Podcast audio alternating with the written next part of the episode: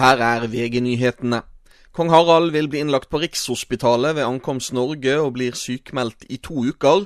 VGTVs Kristina Kinne var på flyplassen på Langkawi i Malaysia da flyet med kong Harald tok av med kurs for Norge. Kong Harald er nå på vei hjem til Norge, og like etter klokka ett lokal tid så lettet det medisinske evakueringsflyet fra SAS her på flyplassen i Langkawi i Malaysia. Og kong Haralds syketransport hjem fra Malaysia gjør plutselig appen Flightradar til en av Norges mest brukte.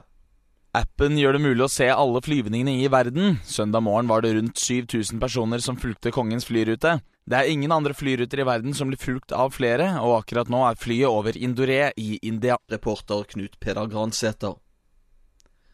Et opptak av høytstående tyske offiserer som diskuterer Ukraina-krigen, er blitt spredt av medier i Russland. I opptaket snakkes det bl.a. om å ødelegge Krimbroen. Forbundskansler Olaf Scholz sier det er veldig alvorlig at russerne har avlyttet deres forsvarstropper. Opp mot 30 personer ble evakuert da det i formiddag oppsto brann i et treningssenter i Trondheim sentrum. Brannvesenet fikk raskt kontroll over brannen. I studio nå, Thomas Alsaker, nyhetene får du alltid på VG.